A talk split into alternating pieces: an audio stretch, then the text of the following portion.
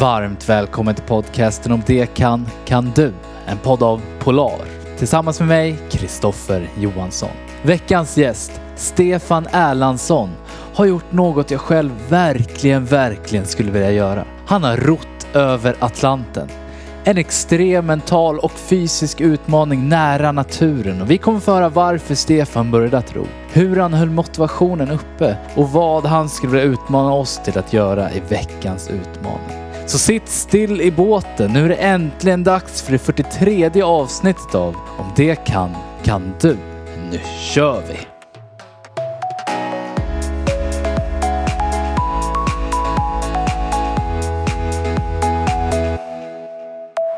Vad kul att sitta här med Stefan. Mm. Hur står det till med dig? Ja, men det står fint. Hur är det själv? Jo, bara bra. Du kommer nyss från ett stort föredrag. Eh, yes, det stämmer.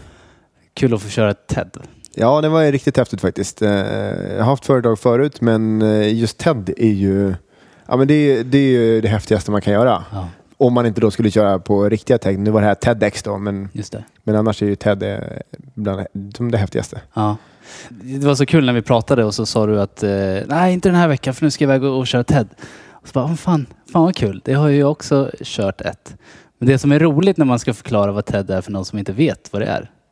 När man själv tycker att shit, det här är det största som Ja. finns. Och så bara, nej, jag har inte hört talas om det faktiskt. Ja, då, blir, då, då drar jag bara, men eh, googla. ja, det. Det, det är ingen mening. Nej, men det, den är ju svår. Den är Ja. svår. Ja. Gick det bra? Eh, ja, det är en eh, jättebra fråga. Mm. Eh, Jag vet inte. Det beror ju på. Får man titta på filmen eller får man be personer som är opartiska döma? För annars blir det ju alla som jag känner som satt i publiken kommer till bara ah, superbra, superbra. Bara, men du är ju partisk. Ja. Men, men säg så här. Jag tycker att det kändes bra. Jag tycker att jag fick en bra kontakt med publiken. Och det, det kändes som genuint. Eh, och det är väl det viktigaste. Och det kändes som att jag fick många eh, genuina gensvar efteråt om att men det var inspirerande. Så det kändes äkta. Och det är väl det som är det viktiga. Mottagarna, att eh, man nådde ut till dem. Det är väl det enda, som spelar roll egentligen. Mm. Ja, kul. Bra känsla. Ja, ja men det, var, det var en bra känsla. Men det var ju väldigt häftigt att kliva ut där på, på scenen och, och inse att ja, men här sitter det ju över 800 pers och man ser dem där. Okej, det, det är bara jag på scen här. Så bara, Mm. Oj då, vad händer nu? Mm. Ja, shit. Nu sitter vi på Björn Borgs kontor. Yes. Jobbar du med aktivt liv, aktiv livsstil? Ja, men det, det ska jag säga. Och det är väl också därför som jag jobbar på just Björn Borg. För att Mm. det är ju, här premieras det väldigt mycket med aktiv livsstil och, eh, mycket träning. Och jag kan träna på lunchen och eh, alla runt omkring mig här tycker om träning. Och det, och det är väldigt premierat med att man ska ha en bra work-life balance, man ska trivas bra på jobbet och man ska må bra. Det är väldigt viktigt. Då kommer man prestera bättre. Och det, är det, det känner man att det sitter i väggarna och folk som jobbar här. Så det, är- det är väldigt kul. Därför, det är därför som jag har valt att jobba just här. Ja. Kom du in genom ditt stora äventyr? Nej, eh, både ja och nej. Det var faktiskt få som visste om det. Så det är klart att det var väl en, eh, på ett sätt en fördel när man sitter på en intervju. Men det var inte just därför som jag kom in här. Utan det var, det var för att jag kände folk som jobbar här. Och sen så dök det upp en tjänst och sen så eh, en intervju. Så kom väl det mer under intervju. Så vet inte jag varför jag fick jobbet egentligen. Nej. Men det var inte det som var egentligen den främsta grejen att jag rott över Atlanten. Det var det inte alls. Nej. Utan det var ju... Eh, jag hoppas att det var min kompetens. Det vet jag inte. Eller det kanske, det kanske var någon som jag inte vet som betalade någon som gjorde att det kom in. Det kanske går lite hand i hand med drivet och att... Men det är, det är väl troligtvis... Alltså det är svårt att säga vad hönan eller ägget. Mm. Eh, I sådana fall alltid. För menar, det är ju den personen jag är som gör att jag gör de saker som jag har gjort. Eller har gjort de saker som jag har gjort. Mm. Eh, så att, och det är väl den personen de vill ha. Sen oavsett om jag har gjort det eller inte, eller ska göra det, eller den personen jag är lyser ändå igenom. Så att. Just det. Jag är så extremt nyfiken. Alltså, varför rodde du över Atlanten till att börja med? jag har alltid i mitt liv funderat på, att, eller velat snarare, göra någonting eh, där jag utmanar mig själv. Där jag befinner mig på bristningsgränsen av vad jag klarar av. Eh, och, också sen när, när man kommer till den här gränsen att man är på väg att bryta ihop. Och man känner att nej, men nu, nu är det så farligt så att jag är extremt rädd. Nu är jag i en situation som jag inte har kontroll på. Jag vet inte riktigt hur jag ska göra nu. Jag har aldrig varit i en sån här situation och, det är på riktigt. Det är, det, är, det är inget skämt och det är inget låtsas. Och det finns ingen annan här än jag själv som kan lösa det här. Och det blir extremt uppenbart när du befinner dig mitt ute på Atlanten i en roddbåt Och det är jag och det är min bästa vän där. Om inte jag gör eller han gör det, då finns det ingen som gör det. Och det är väldigt, väldigt uppenbart. Men det är ju likadant, men du har ett jobb så är det samma sak. Men mitt jobb, om inte jag gör mitt jobb så kommer ingen annan göra mitt jobb. Absolut. Mm. Men det blir mycket, mycket mer påtagligt när du befinner dig i en sån situation. Där det är, det, det är så otroligt uppenbart, du behöver inte ens fundera på det. Du vet ju om att det är bara du där. Mm. Eh, Så det var det jag sökte. Och sen var det kanske lite en slump att det blev just det här. Eh, För vi hade, jag och Erik hade pratat om att men Roratlanten eller annat äventyr skulle vara kul. Och sen blev det egentligen bara att han ringde upp mig och sa Stefan, ska vi ro Atlanten? Ja, det gör vi. Vad kan gå fel?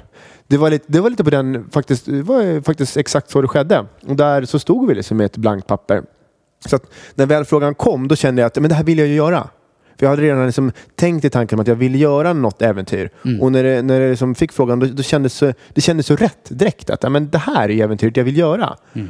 Och, eh, och det här är det som jag söker. Med att befinna mig där ute, där jag får lära mig om mig själv. Hur reagerar jag när jag är där ute? Och sen också den här fantastiska naturupplevelsen, att få göra någonting som väldigt få människor har gjort. För mig själv. Att jag, jag får uppleva det.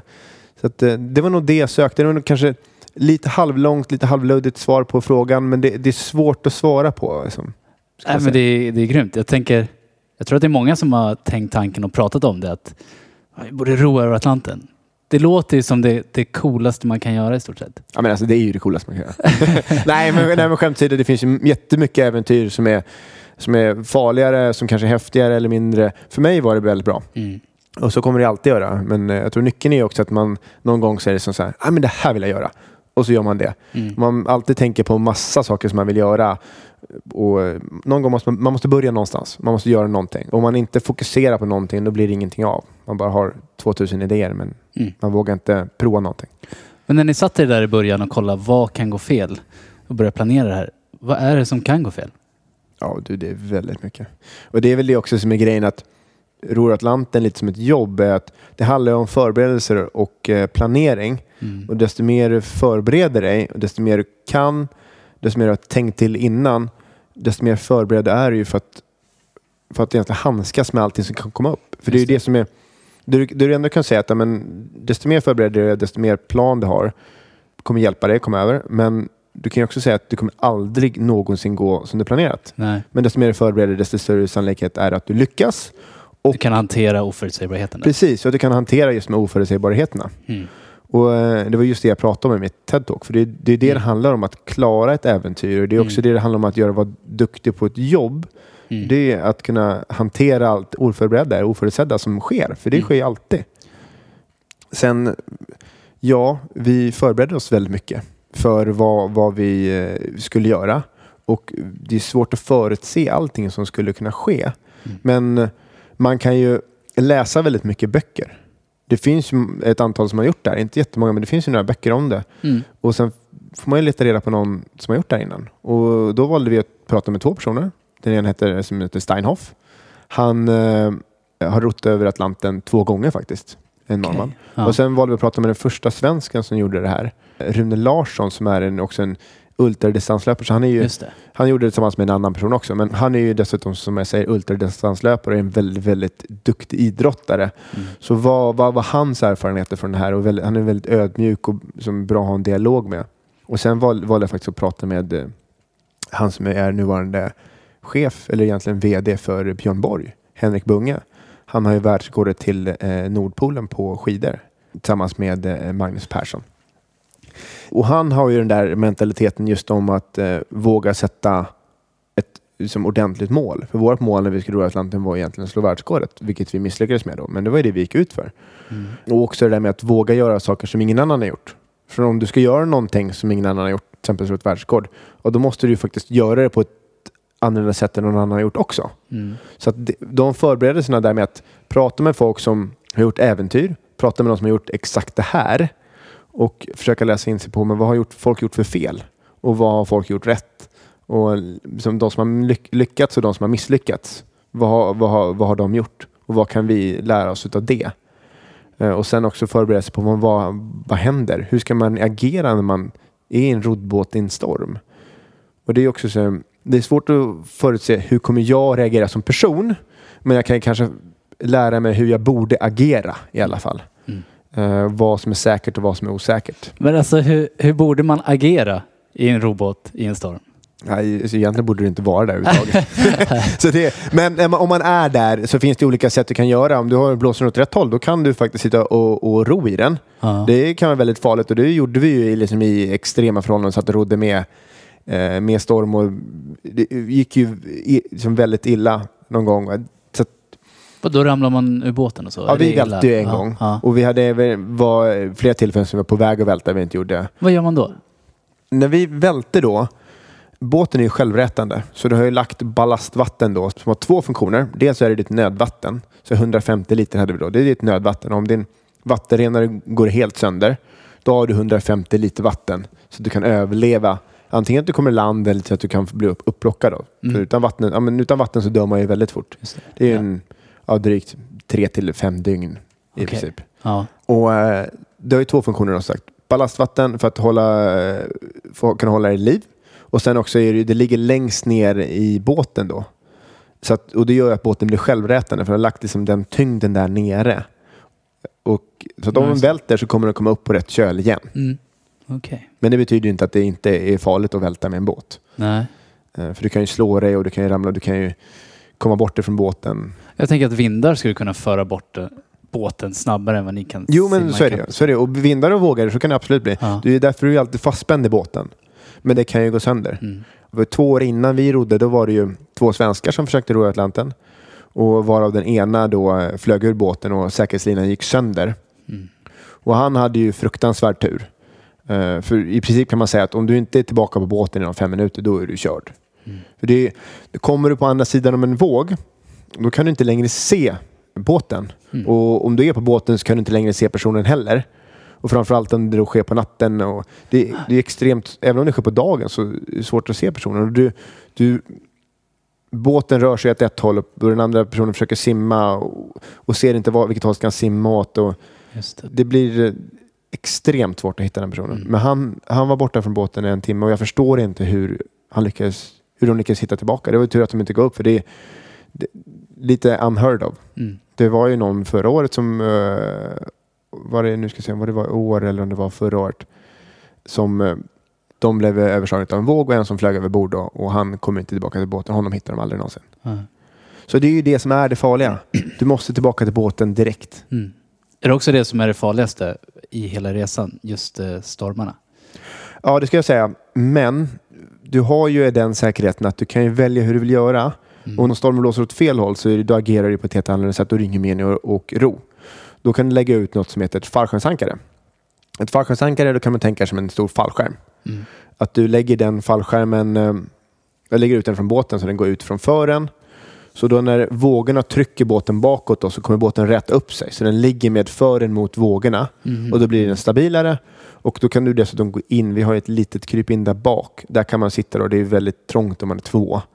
Man eh, får plats en och sova. Om man är två stycken då sitter man som i en liksom, sardinburk. Det är inte kul alls. Nej. Och bara guppa fram och tillbaka och mår dåligt. Liksom. Men det, det, det är i alla fall säkert om man säger så. Så att det, det är så man agerar då i en storm som blåser åt fel håll. Det kan du göra även även i en storm som blåser åt rätt håll för att känna dig säker. Det är ju säkrare. Mm. Mm. Ja, shit. Vad, vad kom ni i mål på? Vi kommer i mål på eh, var en tredje plats på, efter 57 dygn. Och det här är en större tävling då? Eh, ja, det var, en, precis, det var 16 båtar som startade. Mm. Vilken rutt kör man? Du kör från eh, Kanarieöarna, som ligger strax utanför eh, Afrika. Och sen så ror du tvärs över Atlanten till eh, Antigua då, som ligger strax utanför Nordamerika. Mm. Ungefär 4800 kilometer. Så om vi tänker där vi sitter här nu i Stockholm till Dubai ungefär. Shit. Och, eh, och emellan där, det finns ju ingenting emellan. Nej. Inga öar, bara öppet hav och med 5000 meter djupt. Ah, herregud alltså. Hur gör man för att hålla motivationen uppe under en sån lång roddtur? Härifrån till Dubai, fast över Atlanten. Ja, du måste ju ha dina mål liksom. Och det är ju superviktigt. Om du inte har något mål så då är det svårt att känna sig motiverad. Då är det som vad, vad ska jag motivera mig att ro för idag om jag inte har ett mål? Mm. Så vi jobbade ju med det. Vi hade ju vårt första mål, vi, vi ville ju slå världsrekord. liksom. Det var ju bam. Mm. Eh, och, eller, vi började med att vi skulle ro Atlanten. Eh, och sen så tänkte vi, ja men vi ska ro Atlanten. Och sen tänkte vi att men vi ska vara med i den här tävlingen. Ja men då ska vi vinna tävlingen. Bam. Och sen så, okej, men vi ska slå världsrekord. Det, är- nu kör vi. Ja. Bara. Ja. Det är ingen mening att hålla tillbaka. Och då måste man ju börja liksom, från den ändan med att ja, men vi ska slå världsrekord. Om vi slår världsrekord, då kommer vi vinna tävlingen. Och eh, ja, men då har vi ju rotat över Atlanten också. Ja. Ja. Och om vi misslyckas med det, ja, men då ska vi vinna tävlingen. För att, eh, menar, det- vi kan göra så att vi, vi går ut och sen så är det riktigt, riktigt dåligt väder. Men vi ska fortfarande vara bäst utav alla. Mm. Alltså vinna tävlingen. Mm. För vi kommer ha samma förutsättningar som alla andra att vinna tävlingen. Och om du nu om någon anledning inte funkar heller, saker och ting går sönder, ja, men då ska vi mot alla odds ska vi ändå ta oss över Atlanten. Det, är som, det ska vi liksom aldrig någonsin ge upp oss. Man har, det var våra, liksom våra mål. Och sen så försöka dela in det här på hur vi ska jobba då varje dag. Så vi hade ju vi hade i början då med att liksom, motivationen var ju då att liksom leda. Liksom, Ja. Okej, nu ska vi gå ut så snabbt som möjligt och kunna komma in i det här så snabbt som möjligt och leda loppet och, Mm. och, och liksom bara trycka på och för att försöka liksom ta världsrekordet. Då. Mm. Och sen så efter att tävlingen gick då, så vi fick ju en del problem. Eh, så vi var ju tvungna att hålla motivationen uppe ändå. Mm. Efter vi välte så vi var ju tvungna, att- gick ju vår vattenrenare sönder så vi var ju tvungna att handpumpa vatten. Och då blir det ju problem istället för att ja, om du ska handpumpa fem, fem timmar per dag så blev det helt plötsligt så att det blir rätt mycket mindre vila. Mm. Eh, och sen gick ju vårt autoroder sönder och då började vi tappa på de andra båtarna och det var ju tungt. Mm. Så då, eh, vi insåg ju ganska snabbt där när vi hade eh, varit igenom vår andra storm och för andra gången blåste ett helt dygn tillbaka. Mm. Eh, så insåg, då, då var det ju redan världskortet var redan kört. För då hade vi två stormar och blivit tillbakablåsta i som totalt två dygn. Då är det svårt att ta världsrekordet. Mm. Så det var ju över bara redan efter en och en halv vecka. Så var man ju som, okej, det, det var ju tråkigt. Och Det där är ju jätteintressant. Alltså, vad gör man när resultatmålen inte går hem? Ja, men och det är där det, där, det är där det som är jättesvårt. För där var ju, där får man ju jobba som ett team och, och hjälpa varandra. Jag tyckte det var jättetungt, liksom, just det där med att man, jag ju slå världsrekord. Mm. Eh, Men då måste man ju så här peppa varandra som att komma tillbaka till verkligheten. Att, men det finns ingen mening att, att gråta över det nu. Nu är det bara okej, skratta ö- över att ja, men det, här, det här var ju den resan som, som vi har. Och eh, vi har gett oss ut på. Det är ju supertråkigt det där som är. Men det finns inte så mycket jag kan göra åt det. Jag hade inte kunnat gjort någonting annorlunda. Eh, för jag kunde inte välja dagar som vi skulle starta. Utan det var ju tävlingsledningen som valde det. Nu valde vi att vara med i tävlingen. Så hade vi velat sätta bättre förutsättningar för oss själva med att slå världsrekord hade vi inte varit med i tävlingen så att vi verkligen mer kan bestämma den dagen vi startar. Mm. Men ja, det är ju supersvårt. Du har ju satt ett mål att göra det och du har jobbat för det här i liksom två år och sen så kliver du ut och sen efter liksom en och en halv vecka har saker och ting gått sönder och du, redan då är det liksom kört. Och då kan man säga så, man bara ge upp och säga, men det, det, det är som en ganska enkel matematik när man har blåst tillbaka två dygn och, och liksom, stormarna har hindrat en. Så det är svårt att ta upp den. Då skulle vi fortsätta, när vi var i den situationen där, där man insåg det, skulle vi ha fortsatt i samma takt hade det tagit oss eh, ungefär 140 dygn över. Mm. Och målet var 40. Så Just att det, var, alltså, det, var, det var extremt långt efter då. Men, eh, och, men då var det fortfarande så här, vi ledde fortfarande tävlingen. Vi hade kört på. Liksom. Så då var det bara, men nu kör vi, vi ska vinna tävlingen. Vi bara tryckte och bara körde. Och eh, då var det någon båt där som kom lite före oss, men de, de eh, gav upp för att de, de blev för rädda i, efter andra stormen där och började känna liksom så här, jag har barn och familj och vad gör jag här egentligen? Jag håller på att dö varje dag. Mhm. Och då eh, ledde vi tävlingen. Så det var ju som så här, körde på och sen gick vår autopilot sönder för andra gången. Vi hade med oss en extra autopilot. Så jag, här kan gå sönder. Och då gjorde den det. Gick den sönder och då kunde vi inte styra båten. Och i kombination med att vi var tvungna att lägga fem timmar per dygn per person på att pumpa vatten gjorde att vi började tappa, tappa mark. Då. Och eh, Det var nog min största downer när vi eh, blev omrodda av en, en annan besättning och kände att de hade högre fart. Liksom. Vi bara tryckte på mer Mm. för att verkligen kunna ro då. Men det är svårt när du inte kan få den där tiden att ro tillsammans utan du måste sitta och pumpa vatten och du blir så trött och du får ingen sömn på natten. Mm. Så det var jättesvårt. Jag kan säga att då hade jag en supertung period. Eh, och då är det skönt att ha Erik som är så men Stefan det här är vår resa. Nu är det så här. Och då började vi sätta andra mål för att liksom slå oss själva hela tiden. Att, okay, men vi- ska ro i Atlanten men vi ska fortfarande inte ge upp om att vinna den här tävlingen. Vi, vårt mål är att vi ska försöka komma vi, vi måste hålla takten med dem. Det kan vara svårt att ro snabbare men vi ska hålla det här. Vi ska hålla det här eh, så länge som möjligt. Och sen när vi kommer över en viss gräns då vi kan börja använda ballastvatten och inte börja pumpa vatten, ja, men då, då kan vi ro snabbare än alla andra båtar. Då kommer vi kunna ta dem. Så bara försöka hålla i det här, hålla i det här så länge som möjligt tills, tills dess att vi kommer tillräckligt nära, då kör vi. Mm. Det var liksom lite det som var taktiken. Hitta ett hopp och Ja, men lite så. Jag hoppat, ja, men, sen, vi hade ju avstämning eh, med att okay, men så här mycket ska vi ro per dag. Ja. Och, och sen så bröt vi ner det egentligen så att du, du per halvtimme. Liksom. Du, du hade ditt roddpass på två timmar. Och varje, liksom, nästan varje kvart var det liksom, så här långt ska komma den här kvarten. Och man bara, oh, yes, men det går bra. Jag är med där. Och, och sen liksom, ja, men en halvtimme och att man i och med att den ena satt och pumpade vatten och den andra rodde så man kunde ju prata hela tiden. Liksom då. Det var ju en fördel. Mm. Men också en, jag menar, det, det hade varit skönt att få vila. Ja, Ja, men det var, precis. men eh, man kunde liksom sitta och peppa varandra då under dagen. Man hade kommunikationen då, satt och lekte lekar och körde den där, jag tänker på en karaktär om och om igen. Det. Men så att då var det ju den avstämningen. Och det där peppa varandra hela tiden. Så menar, varje gång eh, Erik klev av för ett roddpass var det så här, men bra kört. För jag visste att han alltid gjorde sitt bästa. Han, verkligen, han gick alltid in och körde så som han kunde. Och det var ju Mm. Det som är bra just med Erik. För att man kände att jag har fullständigt förtroende för honom. Att han alltid gjorde sitt bästa och att han alltid körde på. Mm. Jag vet inte om det var svar på din fråga här nu när jag babblar iväg. Jo, men teamworket är viktigt och hitta ett hopp i det hela. Ja. Hålla hårt för det. Alltså, vad var de stora ögonblicken då? Var det några... Alltså, vad, om du tänker tillbaks, vad ser du direkt när du kollar tillbaks? Jo, det är ganska, faktiskt ganska enkelt att svara på. En av dem var ju första gången som man sitter där och ror och sen så bara hör man det där ljudet av, vad är det där för ljud? Det där ljudet känner jag igen. Så bara, det är delfiner. Och så dyker de upp och så har du bara delfiner som bara hoppar kring båten och bara, alltså det är så magiskt att få se dem i sitt egna element och att de, ja men de väljer att vara där. Alltså det, det, det är inte på något så, utan de har, de har valt att simma runt våran båt och leka och bara, just som, det. det. är så magiskt så det går inte att säga. Och det var också första gången det var på kvällen så solen var liksom vet, på väg ner och bara jag hade Ja. precis gått in och lagt mig och Erik bara "Ja, ut, ut, det var, ja, det var helt fantastiskt. Helt Ja. fantastiskt faktiskt. Det kommer jag nog aldrig glömma. Eh, och andra gången när, eh, när de kom nu, som var några dagar, dygn senare, det var superhäftigt också. Mm. Hoppar Men- man i och badar något? Eh, ja, det gör vi. Det gjorde vi. Då gjorde vi inte det tyvärr. Det var väl, eh, vi var helt med extas och men- ja, trötta. eller som tänkte så här, ja, men bara, det var nog eh, bra att vi inte bara dök i då, men det gjorde vi flera gånger. Men det, Okej. det ångrar jag. Jag förstår inte varför jag inte gjorde det för då. Det känns ju extremt läskigt.